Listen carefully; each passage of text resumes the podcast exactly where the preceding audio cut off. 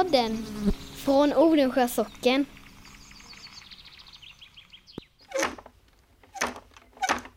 Välkomna tillbaka till Hembygdspodden där ni ska få möta en Odensjöbo som är turistentreprenör, textilkonstnärinna som tillbringat många timmar i vävstolen och en människa med en riktigt spännande resa bakom sig innan hon kom till Odensjö. Det är alltså Rosita Svensgård vi pratar om. Och hon har haft alla möjliga gäster på sin bed and breakfast genom åren. Jag menar, vi har haft amerikanska desertörerna från Vietnam också. Det är nog ingen som vet här i byn. De sov vid pannrummet, de vågade inte ens sova uppe. Hon var ju vår första turistentreprenör egentligen om man tänker efter, är hon inte det? Jo, det måste hon ha varit. Och eh, har ju betytt jättemycket för turismen här i hela trakten. Man har haft sin lilla turistbyrå mm. som man har kunnat knacka på nästan när som helst under dygnet. Och ni som passerar Odensjö, ni har ju säkert sett de här skyltarna om turistinformation. Och det är alltså där Rosvita har bott fram tills väldigt nyligen. För nu har hon lämnat över huset till, till sin dotter Ellen. Men turistinformationen den lever vidare. Ja. När jag växte upp då var, det ju, då var det ju jättemycket tyskar som kom utifrån. Det var en doft av världen på något vis när man kom dit. Det måste du också ha känt när du kom in i... Ja, visst var det så. Mm. Alltså, när man satt vid det här stora matbordet och alla gäster som var där då. Och, ja, jag kan ju ingen tyska, men, Inte jag men heller. på något vis så lärde man sig. ja. så, så om man bara hängde med vad det var för ett ämne de pratade om så, så gick det ju i alla fall. Och så var det här huset, och är ju, fullt med, med, med Rosvitas vävalster. Och, eh, Odensjös trasväv finns ju där också. Det är ju ett sorts kooperativ där man kan lämna in sina alster och sälja dem till turisterna när de kommer. Och vävstolarna. Där står ju tre vävstolar i ett rum där, som där det alltid lät. När jag flyttade till Odensjö och bosatte mig här sen så, så brukade jag gå ner till Rosvita och så satt vi där. Satt jag och vävde och hon vävde. Och så satt man där och, och pratade. Mm. Det var jättemysigt var det. Hon brukade berätta och, alltså minnen från, alltså från sin barndom och, och hur hon växte upp. Och, jag menar, det var ett ganska dramatiskt liv får man säga, för det var ju mitt under kriget. Mm, vi ska höra om det strax. Mm. Ja. Vad fina, fina möten tycker jag. Mm. Hennes dotter Ellen berättade något för mig igår faktiskt. Att om man tittar noggrant på de här tunga betsade möblerna som finns inne i huset så kan man se att mycket ornament är borta de här, det man, de svarvade delarna som satt längst fram. För de togs nämligen bort och så eldade man med dem under krisens tiden, under, under kristiden, under kriget. Det var utbombat, det var kallt överallt så man var tvungen att bryta bort ornamenten från möblerna för att kunna elda med dem, för att kunna värma upp lägenheten. Det är en så här fascinerande krigsminne mitt i, i, den här lilla byn. Ja, det är det verkligen. Mm. Rosvita har ju ägnat sig väldigt mycket åt vävning. Så vi berättade om vävstolarna och allt, alla de här alsterna. Vi hade ju en utställning nu för några år sedan här. Eh, där vi pratade just om vävar och ställde ut hennes bildvävar. Hon har gjort många Bildvävare av Odensjö, av hus i Odensjö och socknen runt omkring här. Och det var i samband med den här utställningen som, som jag träffade henne och bad henne berätta lite grann. Just om vävningen. Och så började hon berätta om hela sitt liv. Det var ju inte roligt. Så vi ska låta henne berätta själv. Hon är alltså född 1935. Precis innan kriget. I Tyskland.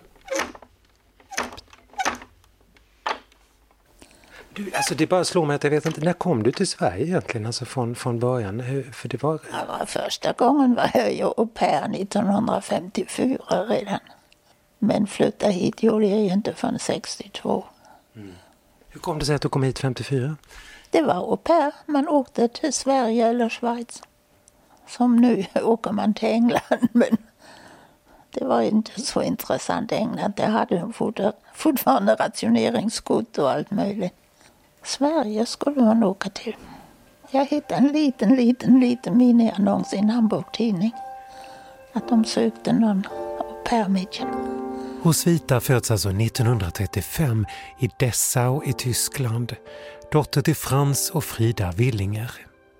Pappa är ingenjör vid Junkers stora flygplansfabrik i staden och mamma hon tar hand om Rosvita och hennes bror Bernt. Sen kommer kriget.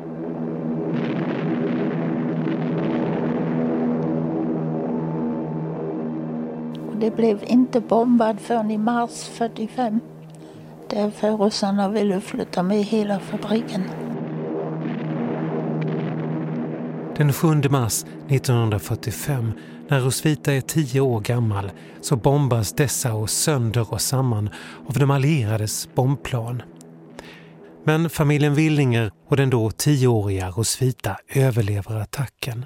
Vi blev utbombade en månad innan krigsslutet och flyttade till bekanta på landet. Sen kommer ryssarna som avancerar från öster under våren 1945. De kommer fram till Dessau och gör verklighet av att flytta det som fanns kvar av Junkerfabriken. Med sig tar de också personalen som sätts på tåg mot Sibirien.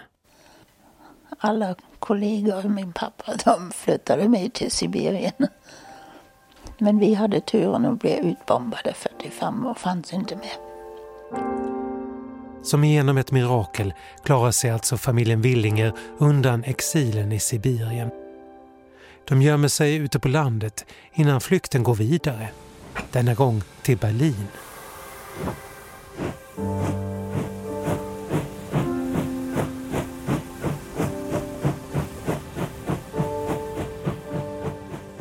I maj 1945 kommer till sist freden. Vi hör kyrkklockorna i Stockholm hälsa freden. Och början på det kalla kriget. Och 45 på hösten fick man ännu välja om man ville flytta till väst eller öst eller alla dessa områden. Och vi åkte till min mormor i Berlin. Det var sista chansen. Vi hoppade hage på gatan bland alla ruiner som alla andra barn gör. Så det är en upplevelse, min första gång jag fick choklad. Det var när vi flyttade till Berlin på en trehjulig lastbil. De finns ju inte med heller, det är synd att de inte är med här. Och då mötte vi amerikanska militärbilar och de slängde choklad in till oss barn. Då åt jag första gången choklad i livet. Det minns jag. Familjen Willinger befinner sig nu i Berlin där Rosvitas mormor bor. Hon hade två rum och vi fick ett rum och hon hade det andra som var någon genomgångsrum. Toalett ihop med grannen en halv trappa ner. Och... Men i alla fall inte utbombad. Många var ju utbombade då. Ja, Berlin var nog inte grann med att flytta till egentligen.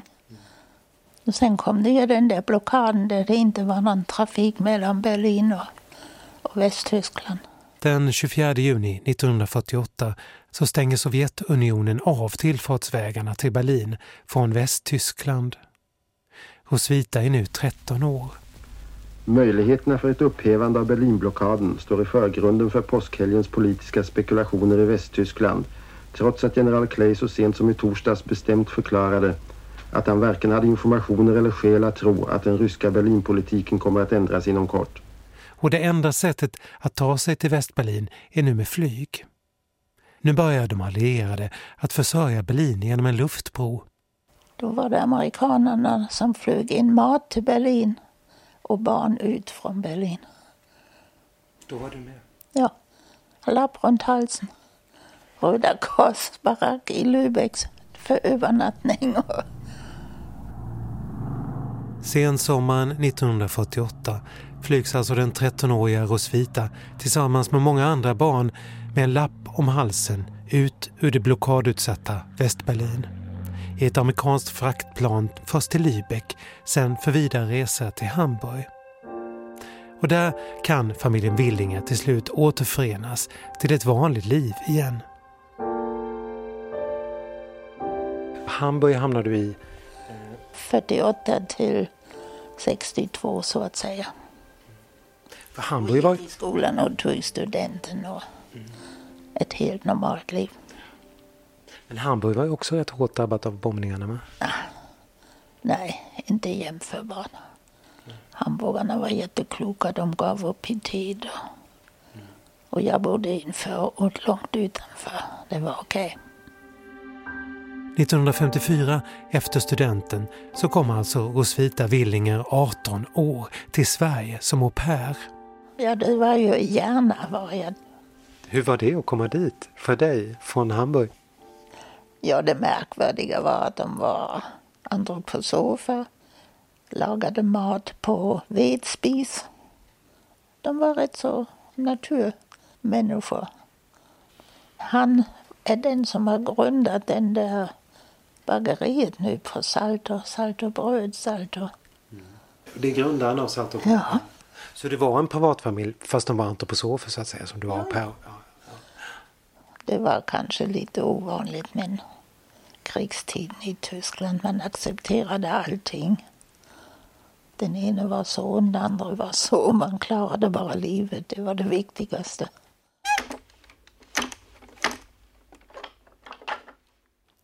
Och när hon återvände till Hamburg då har hon fått smak på världen.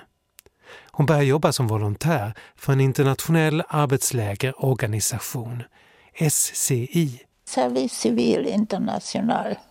Det är grundat utav Schweizer officerare, tror jag, efter första världskriget.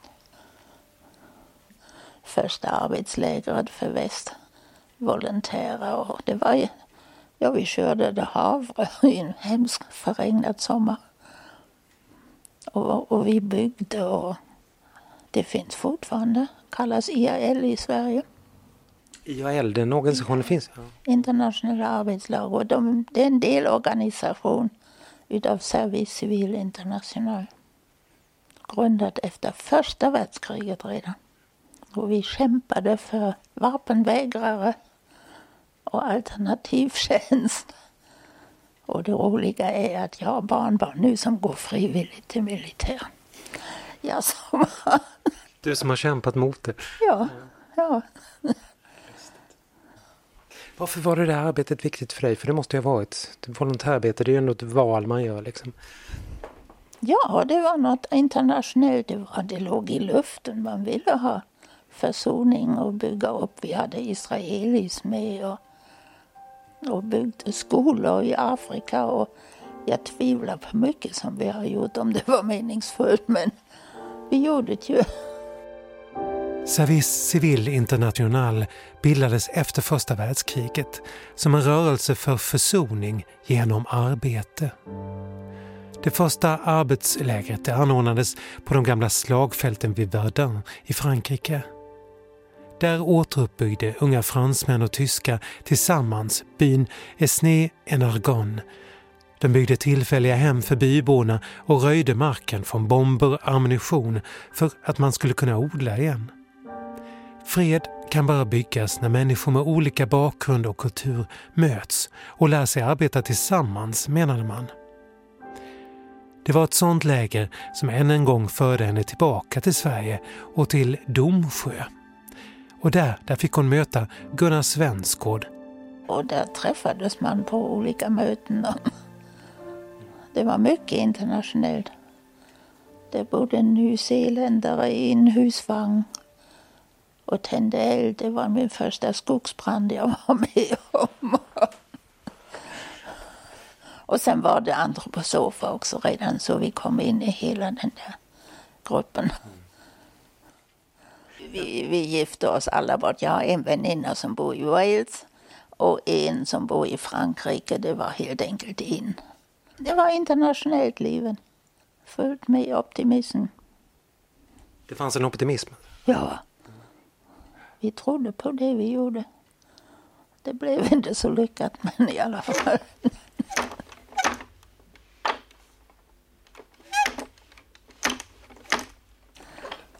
Men du, hur kom du till Odensjö? Ja, det var faktiskt någon Edbergs i Damsjö. De var också i Damsjö och hittade en annons här i Smålänning. De hade flyttat hit innan. Det var kollegor till oss där uppe. Så det var lite antroposofin som faktiskt tog dig hit också? Ja, vi fick med oss två pojkar också.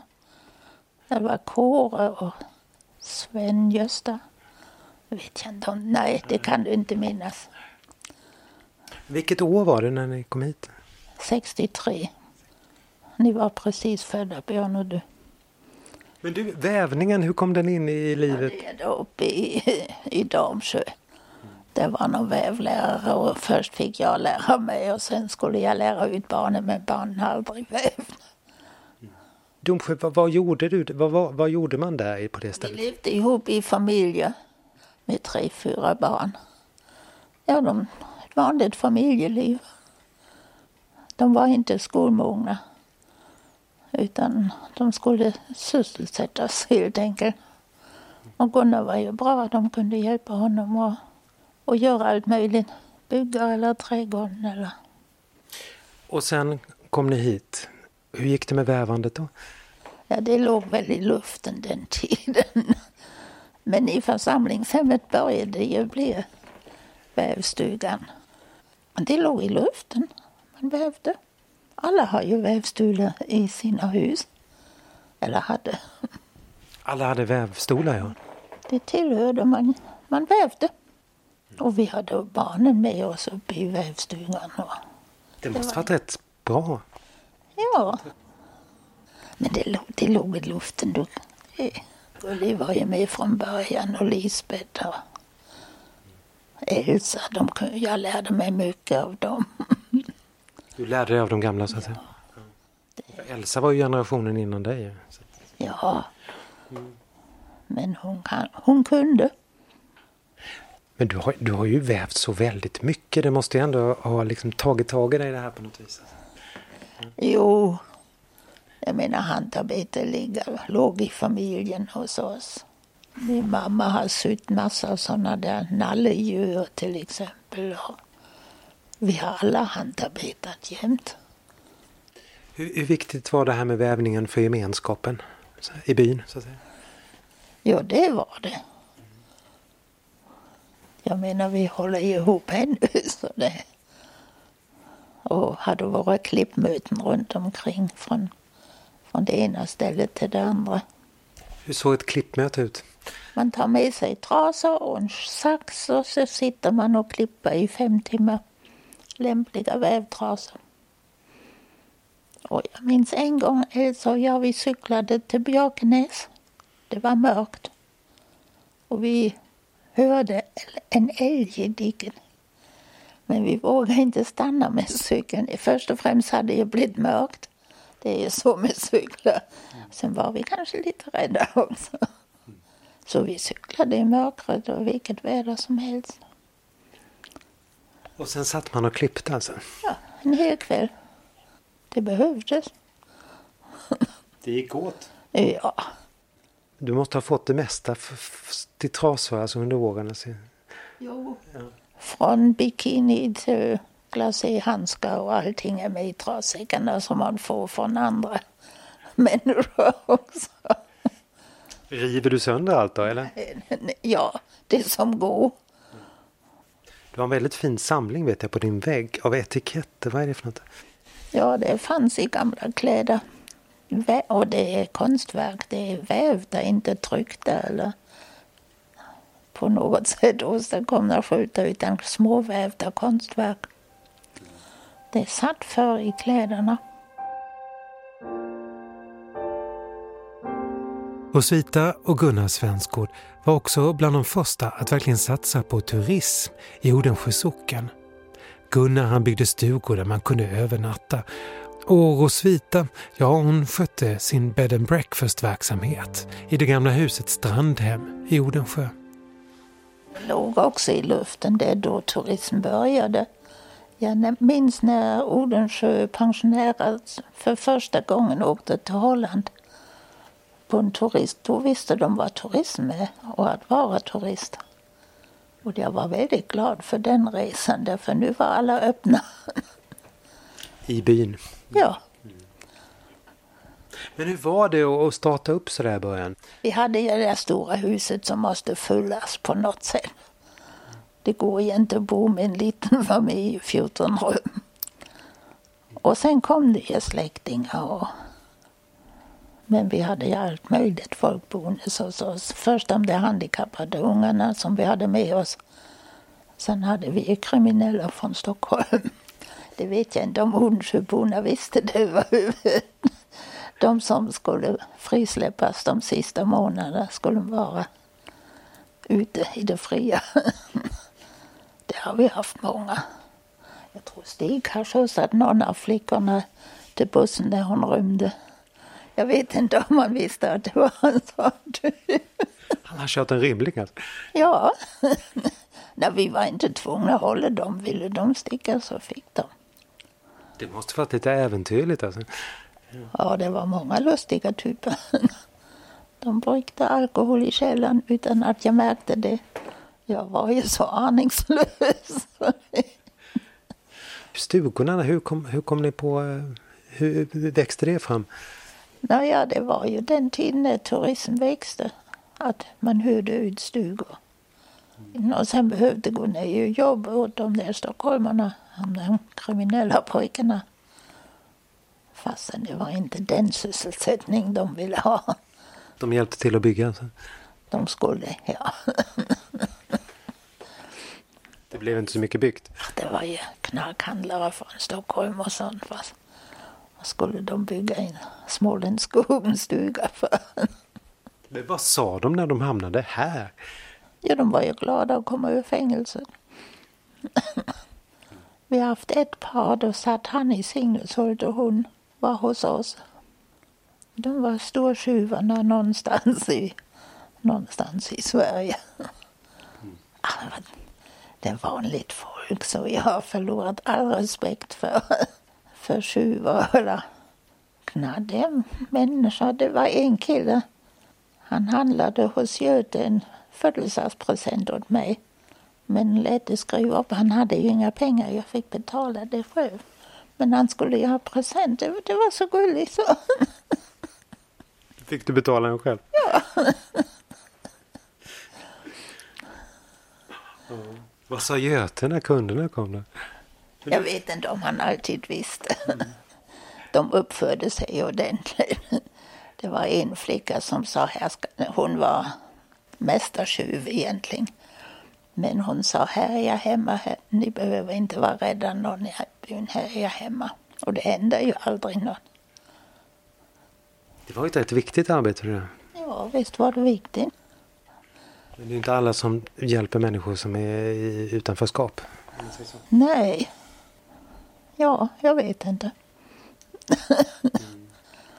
jag menar, vi har haft de där amerikanska desertörerna från Vietnam också. Det är nog ingen som vet här i byn. Berätta.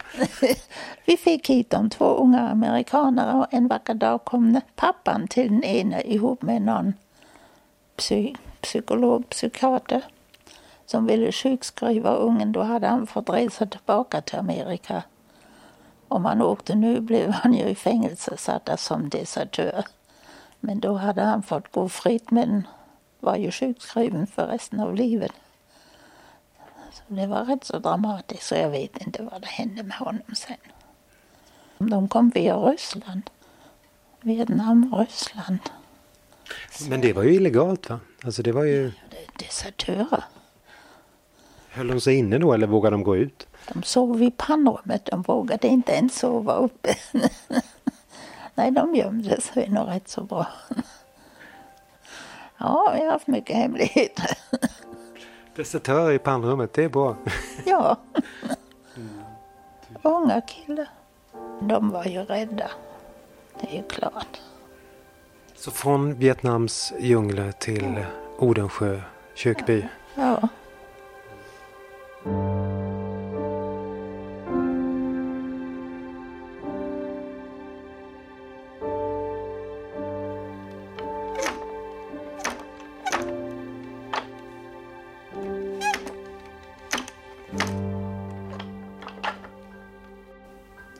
längtat hem någon gång?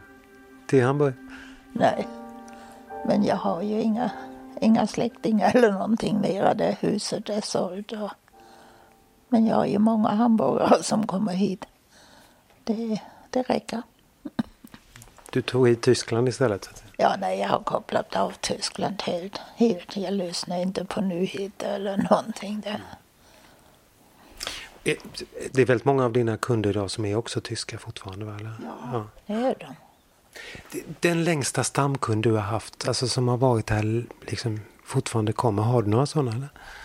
Ja, det är alla mina bekanta från, från arbetslägerorganisationen. En gång var det till och med klassträff, min gamla skolklass som bjöd på klassträff. Och jag bara som skoj sa, ja, ni kan väl komma hit, varför ska jag åka till Hamburg?